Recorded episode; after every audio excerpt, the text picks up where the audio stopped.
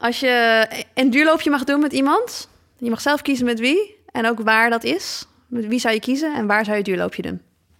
Oh, wauw. Uh, ik zou het niet met een hardloper doen, denk ik.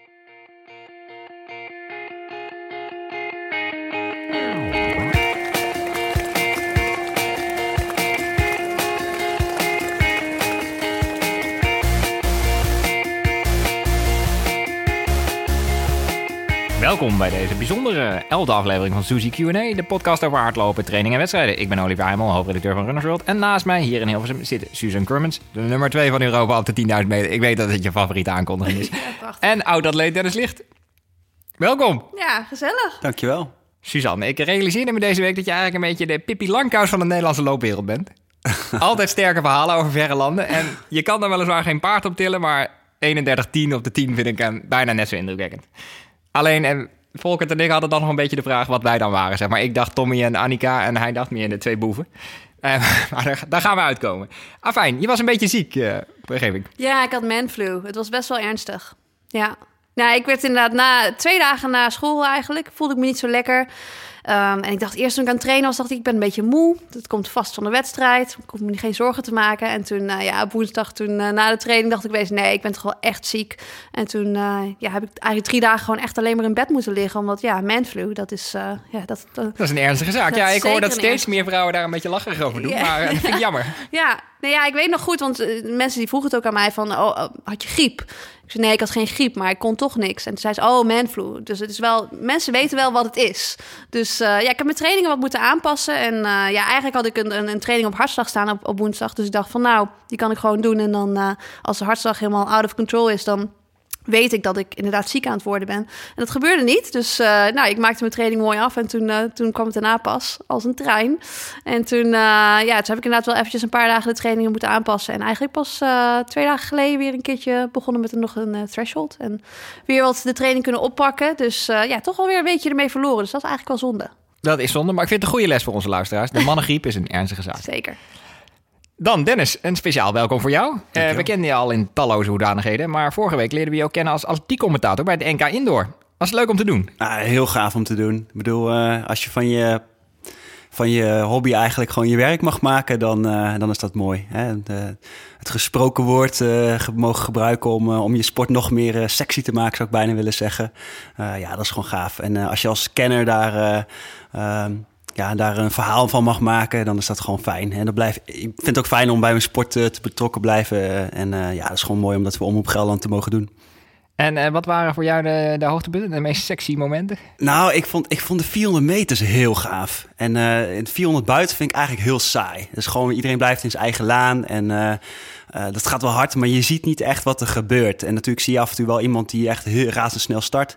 Maar binnen juist, dan krijg je ook het, het duel. Hè? Dus uiteindelijk dat er een bepaalde inacties gebeuren op het allerhoogste tempo wat er bestaat. En je kan soms maar één of twee keer aanvallen. Ja, en het, dan begint meteen die zondag met een, met een, een dijk van een prestatie van Femke Bol uit Amersfoort... die gewoon Nederlands juniorenrecord verbreekt van Esther Gozens. Ja, dan, dan, dan ontstaat er een bepaalde spanning. Ook, uh, daar moet je eigenlijk dan daar ook in het omnisport zijn...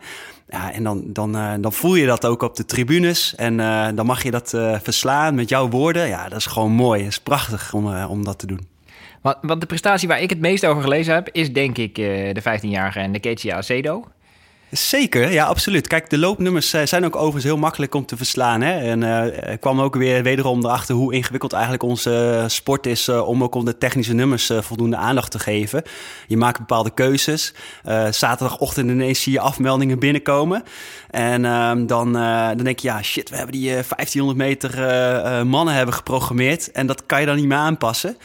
Uh, wat betreft die 60 meter, ja, dat was gewoon natuurlijk een unieke prestatie. Maar vergeet ook niet uh, Boudoux uh, bij de jongens, jong, uh, jongens junioren B, die ook een Nederlands record liep. Oh, ja, ja, dat was, ja, dat, maar die haalde de finale niet, dus dan was het wat minder zichtbaar.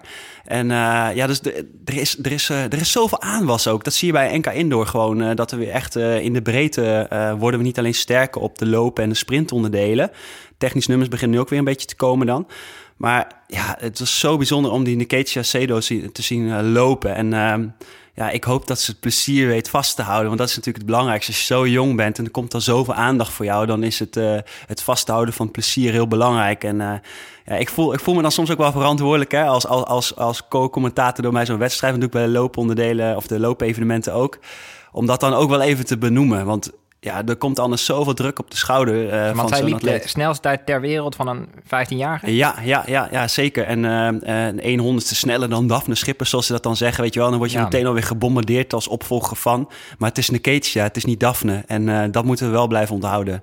En ja, zij heeft pas net de sport ontdekt. Dus ja, dat, daar moeten we gewoon van genieten, dat wel. En kriebelde het nog een beetje bij jezelf om mee te doen? Nou, het grappige is, um, wij zijn echt een goed team om op Gelderland. We merken gewoon dat we op elkaar ingespeeld zijn. Dus ik merkte dat, dat, het, dat het voor mij dat moment, zeg maar, ook als een piekmoment voelde alsof ik een hardloopwedstrijd aan het doen was. Oh, wow. Dus ik kon mijn energie erin kwijt. En natuurlijk zou ik graag daar willen lopen, maar ik heb er niet voor getraind. Dus dan, uh, ja, dan mis ik het ook niet, weet je wel. Um, dus ja, ik, ik, het, het, is, het is zo gaaf. Als wij die uitzending hebben gedaan, dan zitten we ook allemaal, geven allemaal elkaar een high five. Uh, weet je, of een topprestatie hebben geleverd. We willen die sport gewoon uh, goed in de picture brengen. En dat is gewoon heel gaaf om te doen. En Suzanne, kriebelde het bij jou nog een beetje? Kriebelde bij mij een beetje. Ik heb toevallig heb ik wel gekeken en ik vond dat Dennis het heel goed deed. Um, maar ja, ik, uh, ik lag natuurlijk wel nog steeds een beetje half met mijn manflu op de bank. Dus uh, ik weet niet of ik alles, alles helemaal heb meegekregen. Maar ik vond het heel vermakelijk en heel leuk dat ze steeds teruggingen naar de studio om dingen te analyseren en een beetje uit te leggen. Uh, ja, dat maakt het de sport gewoon een stuk interessanter. En het lijkt me ook wel heel leuk om te doen, inderdaad. Ja, en hulde voor Omroep Gelderland dat ze dit voor het eerst zo hebben uitgezonden. Zeker, ja. En dat was voor ons de uitdaging om dat met atletiek natuurlijk te doen. Kijk, we waren toch gewend om de Zevenheuvelloop te doen, Montferland Run, uh, nou, de Midwintermarathon sinds kort. En dat is eigenlijk gewoon, weet je, gewoon een rondje lopen en je hebt een paar mensen en dan heb je één onderdeel. Heel simpel te doen. Uh, kun je ook nog meer aandacht besteden aan breedte sport. Hè? Dus uh, ook de, de, de deelnemer die niet een topprestatie hoeft te leveren, maar gewoon belangrijk vindt om te finishen. En hoe ga je dat bij de atletiek doen? En hoe hou je het simpel? Nou, dat hebben we ook een beetje geprobeerd. Door ook andere items erin te programmeren. Dus aandacht voor wat de jeugd doet met, die aan de kidsrun meedoen. mensen die speciaal voor naar die wedstrijd toe komen om daar te zitten en de mensen aan te moedigen. En te laten zien dat atletiek meer is dan alleen die ene topprestatie waar we dan op gefocust zijn. En uh, ja, dat, uh, dat is volgens mij wel gelukt. Hey, en even terug naar jullie. Waar kennen jullie elkaar van? van atletiek. Oh, ja. ja. ik weet eigenlijk niet wat de eerste wedstrijd is waar we allebei heen zijn geweest. Maar ja. waarschijnlijk een Europa Cup of zo. Ik denk dat denk ik ook In wel. 2007 of zo misschien zoiets. Zeker. Um, ik heb niet zo heel vaak Europa Cup gedaan. Jij wel, dat ja. weet ik. Ja. En uh, ja, volgens mij uh, won jij daar toen ook, denk ik. Nee, ik heb nog je nooit gewonnen. Nee, oh, je nee. deed het wel heel goed. Ik weet Ja, nog ja, goed ja. dat hij was echt wel een beetje de teamheld. En uh, ja. ik was in ieder geval niet de teamheldin. Ik deed het niet zo goed. Maar ik weet dat uh, Dennis het heel goed deed daar. Ja, ik heb een bijnaam eraan overgehouden. Daar ben ik best wel trots op. Cupfighter. En dat kwam omdat Ja. ik eigenlijk uh, alle wedstrijden die ik heb meegedaan... heb meer punten gehaald dan dat ik uh, qua ranking stond. Dus stond ik bijvoorbeeld 50 geplaatst of zo van, van de 12. En dan werd ik tweede, weet je wel. Dan Ja. pak je weer plus drie punten. En dat, dat, dat, is eigenlijk ook waar het om gaat. Ja, teamsporter. En, uh, ja, nee, eigenlijk wel ja. Wat dat betreft heb ik misschien wel de verkeerde, Verkeerd sport voor gekozen. Maar daar, was- daar Ja, was het wel goed. Maar ik vond het ook leuk. Dat spelletje spelen. En uh, het draait niet om tijd. En, uh, Gezelligheid in de bus, stel ik me zo voor. Oh ja, zeker hoor. ja, nee, maar je merkt ook altijd wel dat iedereen wel wat voor elkaar over had. En het lijkt ook wel een beetje alsof je met de club of zo, weet je wel, een clubcompetitie deed. En maar dan in het groot. Dat is, dat, eh, dat is gewoon prachtig. En uh, ja, je verkoopt daarmee ook wel weer je sport heel goed. Hè? Je met z'n allen probeer je voor je land uh, uit te komen. En dan is eigenlijk je, jou als persoon is ondergeschikt aan, hè, aan, aan wat je voor je land wil betekenen. En ja, dan was het mooi gewoon om eh, natuurlijk in de, in de, in de Super League te, terecht te kunnen komen. En daar dan weer je prestaties proberen te leveren. En Want dat, dat is dan ook wel weer voor de meeste atleten wel weer interessant. Die al op dat hoogste niveau zitten. Ja. Ja, en het is een mooie instapmogelijkheid voor de jongere atleten om zich een keer uh, te meten met, uh, ja, met de Europese top. En uh, ja, ik vond het altijd geweldig. Goeie sfeer en uh, ja, een mooie wedstrijd was dat. Nou, hoor je dat? Je zal volgende Ja. keer beter je best doen. Ja, inderdaad. Nou, dit jaar staat hij weer op het programma. En toevallig is het in Noorwegen, in de hometown van de Ingebrigtsens. Dus Hey, daar kijk. ik natuurlijk wel heen. Jij weet alles. Jij Ja. kent alle straten daar inmiddels. Ehm, het NK Indoor overigens was niet het enige atletiek hoogtepunt deze week. In Monaco liep Sivan Hassan een wereldrecord 5 kilometer op de weg. Heb je vast ook gevolgd? Ja, zeker. Dat was, Het eh, was behoorlijk snel, alleen ik vond het verwarrend. Dat wereldrecord bestaat nog niet zo heel lang, toch? Nee, het, het was eerst eigenlijk altijd een world best. En, en nu heeft de IAF bedacht dat het een, een, een wereldrecord genoemd mag worden. Dus eigenlijk is de naam eigenlijk alleen veranderd. Alleen, nou ja, haar tijd is natuurlijk wel nog steeds heel snel. En sneller dan het oude wereldrecord. Hoewel iemand onderweg naar een 10 kilometer tijd wel harder heeft gelopen. Dus dat maakt het ontzettend verwarrend. Maar eh, ja, goed, het blijft natuurlijk een toptijd. En ik heb toevallig ook twee wedstrijden gelopen in Amerika... waar ze dat wereldrecord hebben geprobeerd aan te vallen. Dus ik weet hoe snel het is. En ik kon toen in ieder geval niet bijbenen na drie kilometer. Dus eh, zeker respect. En bij de mannen werden, werden er twee wereldrecords genoteerd. Eén in Birmingham, waar de Ethiopiër eh, Samuel Tefera het wereldrecord op de 1500 meter indoor verbeterde. En een dag later in Monaco op de 5 kilometer op de weg door de Zwitser Julian Wanders. En het bijzondere is, beide wereldrecords werden gehaast door dezelfde man, Bram Som. En die hebben we nu aan de telefoon. Bram, je, je haaste deze week eh, twee wereldrecords. Volgens mij is dat een unieke prestatie. Wat was de zwaarste van de twee? De zwaarste was eh, de tweede, eh, de 5 kilometer in Monaco. Dus ja, zowel fysiek als mentaal ook. Het was natuurlijk nieuw voor mij om op, op de weg te hazen. Maar goed, vo- voornamelijk door ehm, ja, de reis die tussen Birmingham en Monaco zat. En, en, en een heel kort nachtje van denk ik zo'n 4,5 uur of zo. Vier uurtjes, Oeh. 4,5 uur. Dat is natuurlijk niet echt, eh, ja, eh, echt topsport om je op die manier voor te bereiden. Maar ehm, goed, ik, ik, ehm, ik wilde er dolgraag bij zijn. Dus ik heb die kans wel aangegrepen om, eh, om, daar, om erbij te zijn. Want hoe werkt zoiets? Iemand belt jou van, goh, we willen het wereldrecord op de 5 kilometer breken. Heb jij iets? En dan zeg je, nou, de dag daarvoor ben ik eigenlijk ergens anders al. Ja, nou goed, ik bedoel, het wereldje is klein. Ehm Julien Wanders, eh, die, eh, had het, eh, die, die, zijn, plan was het inderdaad om het wereldrecord aan te vallen. Uh, Julien valt ook onder het management van Global Sports, van Jos Hermes. En ja, dan wordt er toch in eerste instantie eventjes, binnen, de, binnen een kleine kring gekeken van nou, wie, wie zou, wie zou die pool aan kunnen trekken. Ehm, er was een haas die eh, tot ongeveer eh, 2,5, 3 kilometer zou, eh, zou eh, kunnen haasten. En ze waren eigenlijk iemand op zoek die dat strak eh, de eerste goede kilometer zou kunnen doen. Dus eh, toen kwam de vraag op mij te liggen. Maar ik had inderdaad al Birmingham bevestigd. Dus mijn antwoord was van, ehm, ja, dat wil ik als het eh, logistiek haalbaar is. Nou, het was logistiek haalbaar. dus, ehm, maar goed, ik, ik, kijk, het is te vergelijken bij te spreken met een, met een wereldkampioenschap. Als jij een finale zit en je hebt de dag van tevoren een halve finale en die loop je s'avonds, bedoel, dan slaap je ook niet heel veel. En ehm, ja, ik denk het lichaam Weet je, het is meer, het is meer eh, een mentale prestatie die je uiteindelijk neer moet zetten dan, dan eh, fysiek kun je wel, weet je wel. Het is meer zeg maar dat je Ja. denkt, van, oh mijn god, eh, heb ik maar vier uurtjes slapen, dat zal vast niet gaan lukken. Weet je wel, ja het kan, het lichaam kan het gewoon aan, alleen je moet er zelf ook in geloven. Nou goed, en dat, dat weet ik inmiddels wel, dat ik dat kan. Ja, en eh, ik moet tot mijn schaamte bekennen dat ik eh, Julian Wanders eigenlijk helemaal niet zo goed kende. Terwijl hij de afgelopen maanden het Europese record op de 10 kilometer... Ah, ik word hier gewoon een beetje uitgelachen in de studio. Maar eh, op de 10 kilometer heeft verbroken op de halve marathon. En nu dus ook een wereldrecord. Wat voor jongen is het? Had ik hem moeten kennen?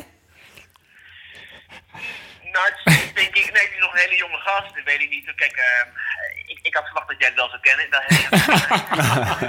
ik verwacht dat jij iemand bent die elke maandagochtend gewoon alle, alle uitslagen eventjes napluistert, wat er allemaal gebeurd is. En dan was je hem ongetwijfeld wel ergens tegengekomen. Maar het is natuurlijk een hele jonge gast die zich voornamelijk eh, in Kenia begeeft. Volgens mij woont hij eh, 90% van de tijd in Kenia. Heeft volgens mij een Keniaanse vriendin slash vrouw. Ik weet niet of hij getrouwd is. En het is ook echt een, het is echt een Zwitser. Als in? Ehm, als in? Eh, als in heel punctueel of... Nee, gewoon een Zwitser- Zwitserse jongen die, die, die, die, die, die, ja, die uiteindelijk eh, gewoon zijn hel in Kenia heeft gezocht. Maar, maar wel echt een beetje Keniaans is. Ik bedoel, hij praat ook echt een beetje als een Keniaan, alles lekker rustig. dus, dus, eh, dus dat is wel mooi om te zien, dat hij zich wel naar, goed op zijn plek voelt en aangepast is. Dus maar het is een ja, hele jonge, ambitieuze, slimme gast die, eh, die eh, enorm talent heeft om, eh, om hard te lopen. Want als jij in Kenia gewoond zou hebben, zeg maar... Als je, dan had je ook harder gelopen? Of is dat typisch iets van de lange afstand om daarvan te profiteren? Nou, meestal na vier, vijf weken Kenia begon ik altijd te dromen over frikandellen en, en kroketten. en dan moest ik altijd naar huis toe. Dus ik denk niet dat ik het daar uitgehoud, eh, uit had kunnen houden. Nee, ik, ik had altijd wel een drang naar, naar iets, iets meer levendigheid, zeg maar. Gewoon. Dus, dus, maar, dus ik denk wel dat de eh, lange afstandlopers, ja, daar misschien iets minder, om ze allemaal maar eventjes eh, over één kant te scheren, eh, iets minder behoefte aan hebben. Ehm, Ik ga het zo vragen hier. ja, ik, ik, ik, ehm, dus ik denk dat de lange afstandlopers daar zeker veel profijt van hebben van de Keniaanse hoogte. En dat het voor ehm, ja, middellange afstandlopers wel altijd zoeken is naar ja, de juiste hoogte op, die, op het juiste moment. En ehm, uiteindelijk wat voor mij heel goed werkte persoonlijk, dat was altijd hoog slapen en laag trainen. En ehm, ja, dat was in Kenia best lastig en daarvoor zocht ik altijd eh, Oostenrijk vaak op. Oké, en dan zijn we weer bijna terug bij de Zwitser. hey, eh, Bram, ik ga jou eh, hartelijk bedanken. Ik ga de uitslagen op maandag nog beter bekijken. en ik spreek je snel weer. Is goed, dan zal ik je tippen als er nog wat nieuws voorbij komt. Oké, thanks. Hoi. Hoi. Dat je hem niet kende. Ja, sorry. Kenia zit niet altijd even goed in mijn scope. Maar ik ga mijn fouten herstellen. Ja, nou, ik kom dus wel eens tegen in St. Moritz. En? En, nou, ehm, afgelopen zomer was hij daar toevallig. En toen had Nike een paar eh, nieuwe schoenen naar me gestuurd, Nike Turbo's. En eh, toen kreeg ik op een gegeven moment van hem een berichtje op Instagram. Toen zei hij van, eh, ja, ik had een, een, een doosje beneden opgehaald... en ik dacht dat het mijn schoenen waren. En toen deed ik mijn voet erin, ze hadden toch wel een beetje krap. En ja, dat bleken toch jouw Nike Turbo's te zijn. Dus hij had ze vast voor me ingelopen. Dus ja, ik denk dat het alleen maar good luck is. En ik heb die schoenen nog steeds. Dus ik ga mijn komende vijf kilometer trainingen sowieso in die schoenen doen... zodat ik ja, een beetje van die wereldrecord snelheid mee ga nemen. Maar eh, er zijn er dus ergens foto's van Julian Wanders op, op knalroze Nike's? Nou, het zijn dezelfde kleuren voor mannen en vrouwen. Dus, Oh, eh, kijk. dus ja, dat is. eh, maar goed, er zat wel een soort van eh, roze-oranje-achtig kleurtje in. Maar dat staat mannen toch ook heel goed? Ja, ja, even voor de luisteraars. ik krijg natuurlijk veel schoenpresentaties en bijna ieder schoenenmerk zegt dan... we hebben dit jaar meer gedaan met de vrouwenschoenen dan just pink it and shrink it. Maar ondertussen doen ze dat stiekem wel allemaal een beetje. Ja, een beetje wel. Hey, en eh, dat van die frikandel, klopt dat, Dennis? Ja, ik, ik herken het wel. Ja, zeker. En eh, als ik eh, Suzanne ook even mag quoten, niet zo lang geleden dat ze een mooi interview Over frikandellen? gegeven. Ja, ja, ja. Nee, niet over, niet over, Ik kan me, niet, kan me dat niet herinneren. Nou ja, misschien een burgertje of zo aan het begin van het jaar. En dan steeds iets serieuzer worden met voeding. Dat heb je me wel eens verteld. Maar Ja, daar, gaat het, daar gaat het me niet om. Maar eh, over, wel over, ehm, ja, over die, die hoogtestages. Ehm in het Keniaan is het eigenlijk gewoon een gewoonte om daar te zijn. En voor jou hè, was het, is het een keuze. En dat was voor mij ook altijd. Weet je, je gaat daarheen met een bepaald doel. En omdat je een bepaald effect wil, eh, wil bereiken.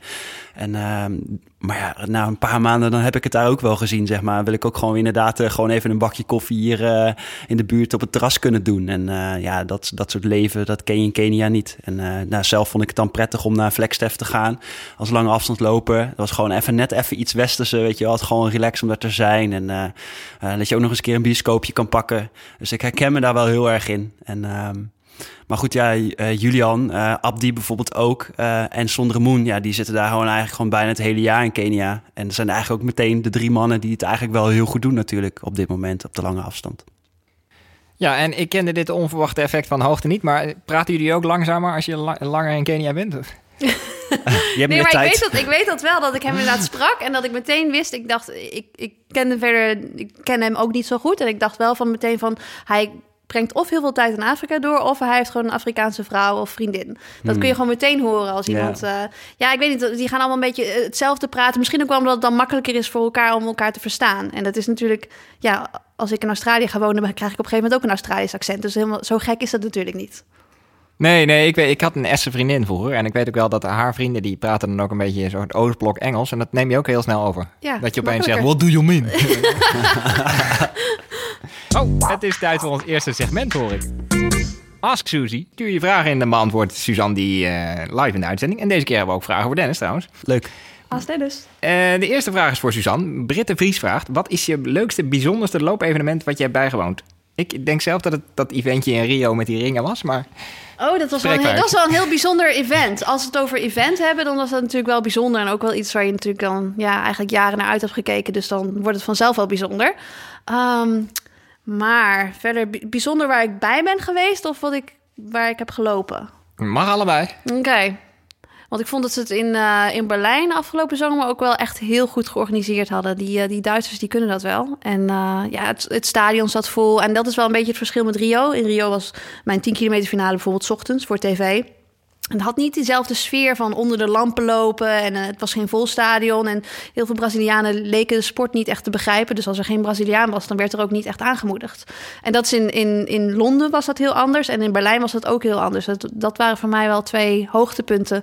Ja, niet alleen vanwege de sportieve prestatie, maar ook gewoon de hele sfeer en alles eromheen. Uh, ja, waren dat echt wel hele mooie evenementen. En Dennis, ja, Berlijn vond ik wel heel gaaf om een toeschouwer te zijn. Ik mocht uh, als uh, fanreporter mee. En uh, ja, dat is onbeschrijfelijk. Eigenlijk vind ik dat misschien wel het mooiste evenement wat ik in de atletieke sport heb meegemaakt. want je hebt ook het EK in Amsterdam gelopen. Ja, zeker. En dat, dat, dat ook absoluut. Ik zie nog het spandoek hangen wat mensen voor mij hadden gemaakt. dat, dat doet wel wat met je, zeg maar. Dat voel je op dat moment ook echt, hè. Dat een bepaalde emotie die er dan loskomt. Als je dan aan de start van zo'n wedstrijd staat.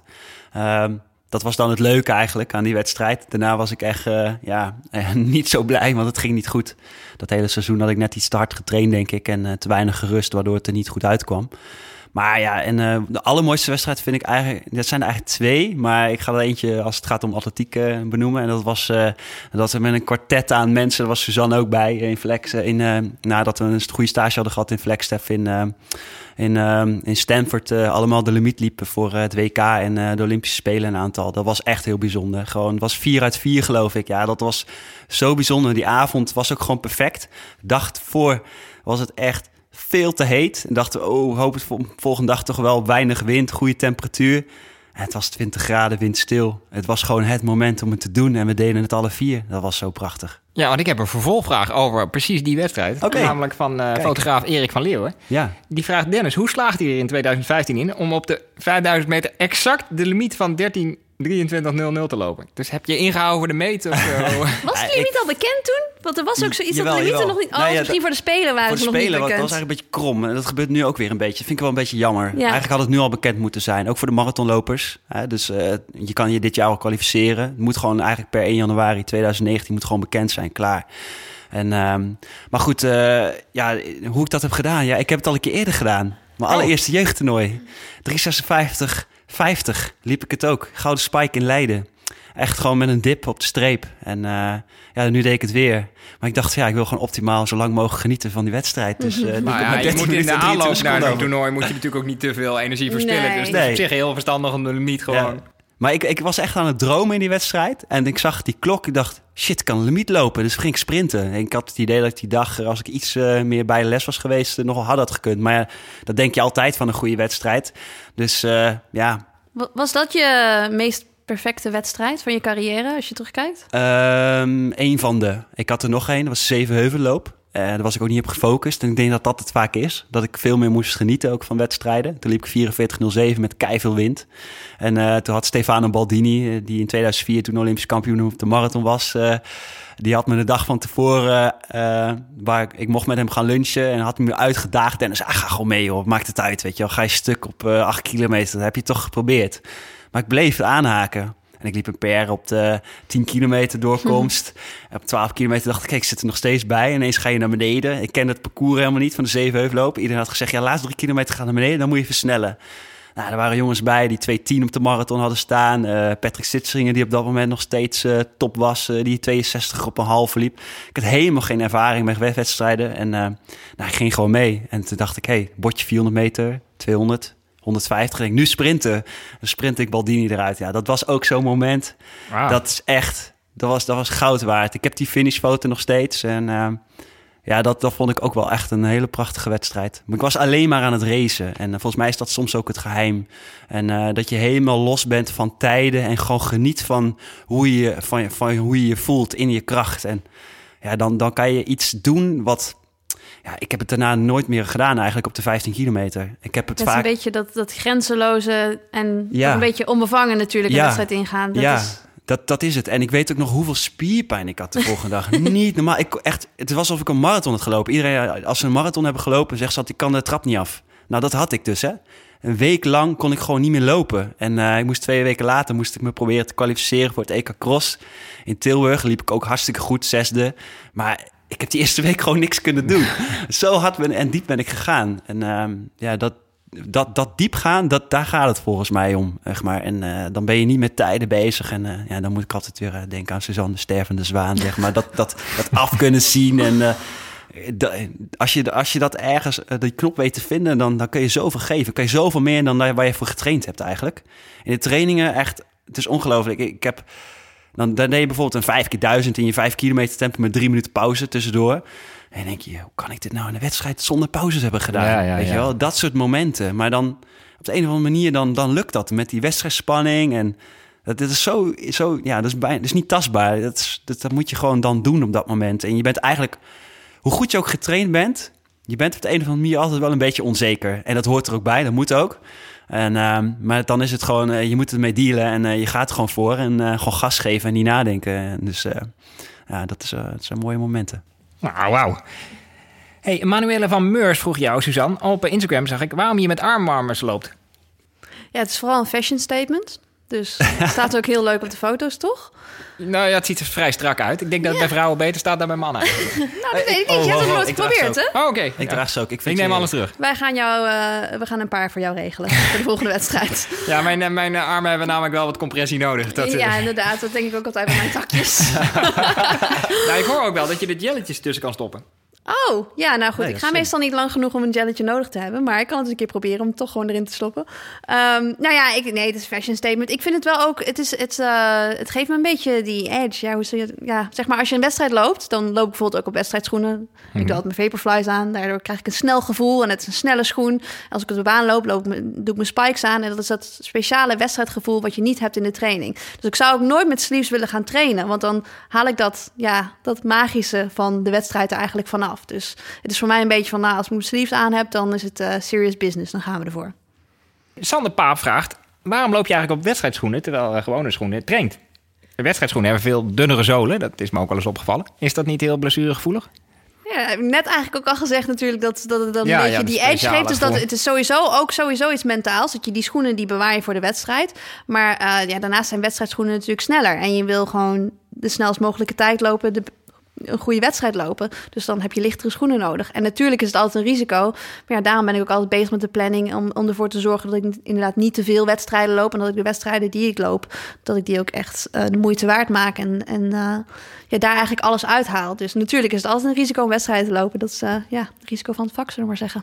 Dan ehm, Inge nee, Ringgoot, die daagt jou uit om mij een vraag te stellen... waar ik ook echt antwoord op moet geven. Mag je ook een uitzending over nadenken als je wil?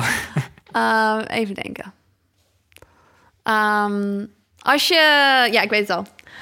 Als je een duurloopje mag doen met iemand... je mag zelf kiezen met wie en ook waar dat is. Met wie zou je kiezen en waar zou je het duurloopje doen? Oh, wauw. Eh, ik zou het niet met een hardloper doen, denk ik. Dan zou ik gewoon voor Barack Obama kiezen. Oh, wauw. Ja, een beetje ambitie. Ja, Ja? dat, eh, dat vind ik wel mijn ultieme idool. Ja, en waar? Poeh. Nou ja, weet je, als, hij- als hij tijd wil maken om met mij te lopen... dan moet ik gewoon maar naar zijn huis komen, denk ik. Ja, naar zijn huis. Het zou Ja. jammer zijn als hij ook nog een heel stuk moest reizen. ja, dat is waar. Heel sociaal. Maar jullie? Ja, ik weet het wel. Ik wilde eigenlijk zeggen Michelle Obama. Dus Echt dat is ja, Nou, misschien kunnen we met z'n vieren lopen. En dan, maar ik zou dan wel in Central Park gaan lopen, denk ik. Ik vind dat toch Ja. altijd wel iets leuks hebben daar. Nou, we bovendien best in de buurt voor zitten. Ja, inderdaad. Dennis, Oeh, ja, goede vraag. Ja. hij heeft ook eh, twee dochters, dus... eh, Ik kan ook een familieloopje van Ja, maken. misschien. Ja, ik, het klonk al wel heel aanlokkelijk. Ik zou wel willen we- willen weten waar hij altijd, eh, eh, vlak voordat hij ging eh, werken, altijd ging lopen. Dat lijkt me wel interessant. Want Ja. hij deed het elke ochtend, hè? Dus dat is Ja. wel, eh, wel bijzonder. ja, hij was ook echt wel eh, in vorm. Ja. Hij gelooft ook wel in sporten, in tegenstelling tot de andere presidenten. Eh, ik heb trouwens nog een hele goede vraag voor jou, Suzanne, van eh, Leslie Nieuwenhuis. Je zegt altijd dat je op gevoel traint, maar zij haalt er op gevoel niet echt het maximale uit. Is dat voor jou lastig? Op gevoel. Nou, ik heb het dan vooral over de duurlopen die ik op gevoel Ja, doe. ja. Dus zeg maar, ja, waar ik beter van word... is natuurlijk niet alleen door de duurlopen... en door gewoon simpele kilometers maken... maar ook door mijn programma en mijn thresholds... en mijn baantrainingen en mijn heuveltrainingen die ik doe. En die doe ik natuurlijk niet op gevoel. Daar heb ik nog een ander doel bij. Dus soms is het een hartslag, soms is het een tempo. eh, of een, ja, bijvoorbeeld bij de heuveltraining... dan probeer ik zeg maar alle heuvels ongeveer dezelfde tijd te lopen. Ehm, dus op die momenten loop ik niet echt op gevoel. Maar de, de duurlopen tussendoor, ja, als ik moe ben, zoals ik bijvoorbeeld vorige week was, dat, ja, dan ga ik gewoon iets rustiger lopen, want dan is er iets aan de hand. Ik ben moe van de wedstrijd, ik ben misschien ziek aan het worden. Dan is er geen reden om daar doorheen te pushen. Dus eh, vandaar dat ik zeg, op gevoel lopen is belangrijk, want daarmee kun je dus bijvoorbeeld blessures en andere dingen voorkomen. Helaas werd ik nu nog steeds wel ziek, dus heb ik het nog niet helemaal 100% goed gedaan. Maar ja, je live and learn. Dennis, herken jij dat? Ja, heel erg. Dat gevoel heb ik me ook eh, in de latere fase van mijn carrière veel meer door laten leiden. Omdat je op een gegeven moment, ja, bedoel, ik heb geen meer, meer nodig om te weten welk tempo ik loop. Dan deed ik hem weer om en dan, was, dan wist ik van ja, dit is hartslag 150 of zo, weet je wel. Dus op een gegeven moment ga je veel meer in het gevoel zitten, want dat ga je in de wedstrijd ook doen. Dan loop je, tenminste, ik loop niet op de baan met een hartslagmeter en, uh, en dan ga je op mijn horloge te kijken of zo hard ik ga. Ik bedoel, ik heb al een klok en dat is al confronterend genoeg. Of een tegenstander uh, die, die me pijn doet, weet je wel. Dus uh, daar heb je al te veel afleidingen. En ehm, dus ja, wat dat betreft, dat gevoel, dat herken ik wel. Maar natuurlijk het geeft je wel richting. Maar ik zeg altijd zelf, uh, joh, hey, uh, en dat vind ik ook altijd een belangrijke tip die ik aan mensen meegeef. Um, word geen slaaf van je schema. En um, uh, laat je ook een beetje door je gevoel leiden. En wat, wat Suzanne zegt, ja, ik ben een beetje ziek. Ja, pas het dan meteen aan, weet je wel. Bedoel, er kan misschien een keiharde baantraining erop staan. Maar als, als, als dan misschien op dat moment een, een, een tempoduurloop beter is om te doen. Dan moet je ook dat even overleggen met je coach of zo, weet je wel. Of als je wat, wat verder in je carrière bent, dat je het voor jezelf kan besluiten. Dat gewoon ook doen. En dus ja, een schema is altijd een richtlijn, zeg maar. Het geeft een richting, richting voor als het gaat om periodisering. En zeker als je doel heel ver weg is, moet je juist flexibel blijven.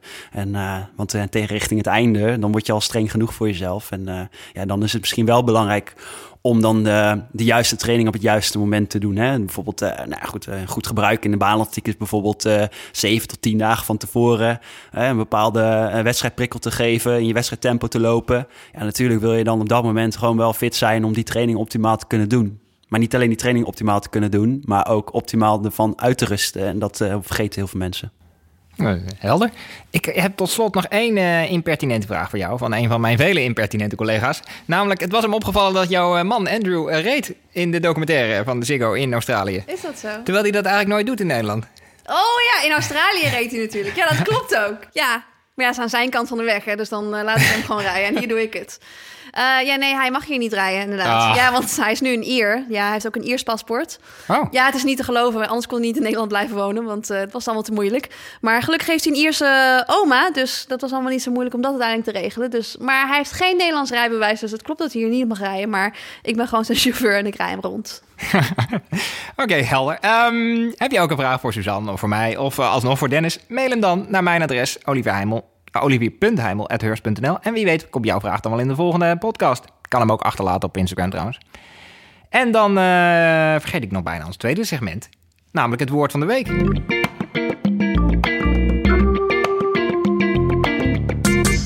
Ik moest lang nadenken, maar ik heb hem. Short Course Prevention Factor. Dat ga ik even uitleggen. Want wij leerden vorige week namelijk de marathon altijd uh, 42 meter te lang is. Voor de zekerheid. Maar in Abu Dhabi Oh ja. hadden ze dit helemaal vergeten. En was hij maar liefst 200 meter te kort, bleek uit onderzoek. Ja. Onderzoek, daar moest ik een beetje op grinniken. Want eh, onderzoek is toch Ja. vooral dat je op je horloge kijkt, denk ik dan. Maar ehm, hij was 200 meter te kort, omdat ehm, ze het pionnetje bij het keerpunt een beetje hadden opgeschoven... zodat ze bij de vismarkt konden komen. Wat ik dan wel weer een hartveroverend detail vond zelf. Maar hebben jullie wel eens een wedstrijd gelopen die te kort was? Uh, nou ja, toevallig wel trouwens. Ik zit nu te denken, nee, dat is niet zo. Maar ik heb indoor heb ik ooit een, uh, Oh. een, een DMR gedaan. Distance Medley Relay is dat. Um, en dat doen ze veel in college in Amerika. En dat is, mm, moet ik even denken welke afstanden precies zijn. Uh, volgens mij begin je met een 800 meter, dan een 400 meter, dan een 1200 meter en dan een mijl. Maar misschien is de volgorde anders. Maar de mijl is sowieso als laatste, want ik deed altijd de mijl. Um, ik pin je er niet op vast. En nee, en het zijn natuurlijk heel veel rondjes en heel veel teams die dat doen. Dus ik was een keertje bij de ACC Championships, waar dan ja, gestreden werd als een van de laatste onderdelen om de punten, om de winst. Dat was heel belangrijk. En ja, ik liep dus die mijl, wat dan uh, ja, indoor acht rondjes is. En op een gegeven moment toen uh, ging de bel en toen dacht ik ook sprinten, want het is de laatste ronde. En ik wist dan niet meer hoeveel ronden het was natuurlijk. Dus ik begon te sprinten en, uh, nou ja, en ik won. Dus vet leuk. Armen de lucht in. Ons team had gewonnen. En toen schreeuwde een van mijn teamgenootje: It's another lap! Oh. en, toen, en, toen begon ik weer te sprinten. En ik had net een meisje eraf gesprint en, en gewonnen dus. En toen begonnen wij allebei weer te sprinten. En toen deed dus nog één rondje. En toen had ik er weer afgesprint. Ah. Twee keer gewonnen. Oh. En er was ook echt een universiteit waar we echt een hekel aan hadden. Dus wij zo, ah, we Oh, won lekker. twice. dus die. Uiteindelijk was hij toch lang genoeg. Uh, Dennis, jij ervaring ermee? Nee, nee, nee. Nee, eigenlijk niet. Nee, mazzel eigenlijk, denk ik. Maar ik heb wel eens een keer een wat kleinere wedstrijd uh, gelopen. En toen dacht ik, oh, ik heb een supersnelle 10 kilometer gelopen. Toen kwam ik ook de finish, ja, hij is 300 meter te kort. Dat vond ik dan wel weer een beetje ja, ja, ja, maar goed, eh, ja, nee, voor de rest heb ik niet in officieel gemeten parcoursen of zo eh, dit meegemaakt. Maar ik heb het wel gezien, ook een keer bij een Europa Cup wedstrijd trouwens. Uh, en een van het Nederlandse team, ik ben haar naam vergeten, maar ze lag al half op de grond en zei, je moet opstaan, je moet opstaan, je moet nog een ronde. 400 meter nog, hè? Ik denk, jee, nee. Ja, en ze kwam echt volgens mij tweede of derde over de streep. Ja, en toen werd ze op een gegeven moment vijfde. Ja, dat is gewoon echt verschrikkelijk, lijkt me dat, om dat mee te maken. Helemaal kapot. was in Leiria in Portugal. Weet ik nog goed. Ziet voor me. Ja, ja, ik heb bij jou uh, vijf kilometer. Uh, vergiste iemand zich ook, toch? Bij vijf. Oh ja, die maakt het zelf te kort. Ja, ja. ja, dat ja. Ook. Maar die had, het, die had het zelf ook al een beetje korter gemaakt door een pionnetje af te snijden. Ja, dat was ja, niet zo precies. slim. Ja, Nee. dat was broddelwerk. nee, dat was allemaal niet zo goed. Hey, uh, Dennis, het uh, EK Indoor komt er trouwens aan. Ja. Vrijdag 1 maart begint dat in Birmingham. Waar kijk jij naar uit? Zijn er onderdelen? Oh ja, ik kijk naar Time uit. Ik heb hem... Uh... Time Coopers? Ja, Time Coopers. Ja, ongelooflijk. Wat hij dit NK Indoor weer liet zien. Gewoon solo een 1.47 uh, 6 lopen. Dat is, dat is ongelooflijk. En uh, ik ja, ben twee benieuwd. dagen achter elkaar goed ook. Hè? Ja, ook dat ja. ja, ja. En gewoon zichzelf dan op dag twee nog weer verbeteren. Ja. En uh, dan ook een paar jongens meenemen in de slipstream. Uh, ook bewust keuze hè, om uh, ja. niet te hard te gaan in de, in de series. Ongelooflijk. En dan een 1.48 gelopen en alsof het niets is. Ja, dus ik kijk heel erg uit naar hem. En ik kijk ook wel heel erg uit naar, uh, naar, um, naar, naar, de 1500 meter, gewoon de mannen. En uh, ik ben benieuwd of, de, of de iemand van de Ingebrigtsen bijvoorbeeld meedoen hè, op het internationaal niveau. Maar uh, ja, Tijmen, dat is, ja, ik vind het gewoon geweldig. Het is echt zo'n frontrunner, hè. Dus het, altijd gewoon, gewoon gaan met die bananen. Iedereen pijn doen en hopen dat je kan volgen. En dat vind dat is misschien ook om uh, dat ik het zelf. Ik ben zelf niet zo'n atleet. Dus dan verwonder ik me daar altijd heel erg over dat iemand dat kan. En uh, indoor is het heel moeilijk om mensen in te halen. Dus ook tactisch gezien voor hem altijd wel een goede keuze om te doen. Omdat het ook zijn kracht is. Dus uh, ja, ik ben benieuwd wat hij laat zien. Nou ja, en je loopt het kort, toch? Wat zeg je? Nou ja, het voordeel van op kop lopen is ook wel dat je de kortste route loopt. Wat zeker in de ja, ja, nee, zeker. Veel aan de buitenkant. Ja, absoluut. Ja. En zeker bij dat tempo. Hè. Kijk, een 1500 meter kun je nog wel eens even een keer een push doen. En dan uh, mensen snel inhalen voor een bocht. Wordt er nog veel geduwd en dat soort dingen. En 800 zit je op zo'n ja, niveau en tempo. Uh, indoor liep hij trouwens de eerste 400 meter in 51 seconden. Hè. En... Uh, ja, dat, daar pakt hij de, de grootste voorsprong mee. Dus uh, het zegt mij dat hij echt in een, uh, in een beren goede conditie is. En dat hij alleen nog een beetje op zoek is naar misschien wedstrijdtempo, wedstrijdhardheid. Ja, en dat, dat kan hij elke ronde dan weer gaan laten zien. En uh, ja, als je dat op een NK twee rondes achter elkaar kan... dan kun je ervan uitgaan dat hij dat in Glasgow ook uh, gaat doen. Birmingham. Voordat we... Toch? Of... Glasgow. Echt waar? Ja. Glasgow. Potverdorie. Oeh, je ja, hebt me net... het is een thuiswedstrijd verloren muur. Ah, ja. Daar kijk jij dan weer naar uit. Ja, sowieso natuurlijk naar de internationaal bij de, ja, bij de vrouwen 3000, 1500. Dat is natuurlijk interessant. En alle Nederlanders. Ik kijk naar alle Nederlanders. Sorry, ik, ik vind het altijd leuk. En, van deze en, en Jamil die gaat natuurlijk ook ja. nu. Dus nou ja, dit is wel uh, leuk dat zij toegevoegd aan de selectie. Dus uh, nou, ik kijk naar alle Nederlanders uit, ja. Hey, en uh, Suzanne, jij bent je ondertussen ook met de video's van Anne Merel aan het voorbereiden op de CPC in Den Haag? Oh, dat klopt. Ja, ik kreeg gewoon een persoonlijke uh, verkenningsvideo. Want ik, uh, ja, ik had, ze had tegen me gezegd van... Nou ja, je mag een keertje samen een rondje komen rennen hier in Den Haag... en dan laat ik je het parcours zien. Ik zei, ja, ik weet niet of ik voor 10 maart daar nog terecht kom. En toen uh, had ik de volgende dag opeens een hele uitgebreide parcoursverkenning... Um, die op YouTube staat nu. Dus misschien kunnen we hem wel delen met de volgers. Um, ja, en heel uitgebreid. ja, ik heb nu wel een idee dat ik in ieder geval het parcours ken. Heel lief dat ze dat had gedaan. Oh, wat tof. Ja. Hey, dan zijn we helaas alweer aan het einde gekomen van deze Elde Suzy Q&A. Dank Dennis voor je boeiende aanwezigheid. En uh, dank Volkert van Dag en Nacht Media voor de productie. Dank u ook, beste luisteraar. Ik blijf bedanken hier. Uh, ook namens Suzanne, blijf luisteren en lopen.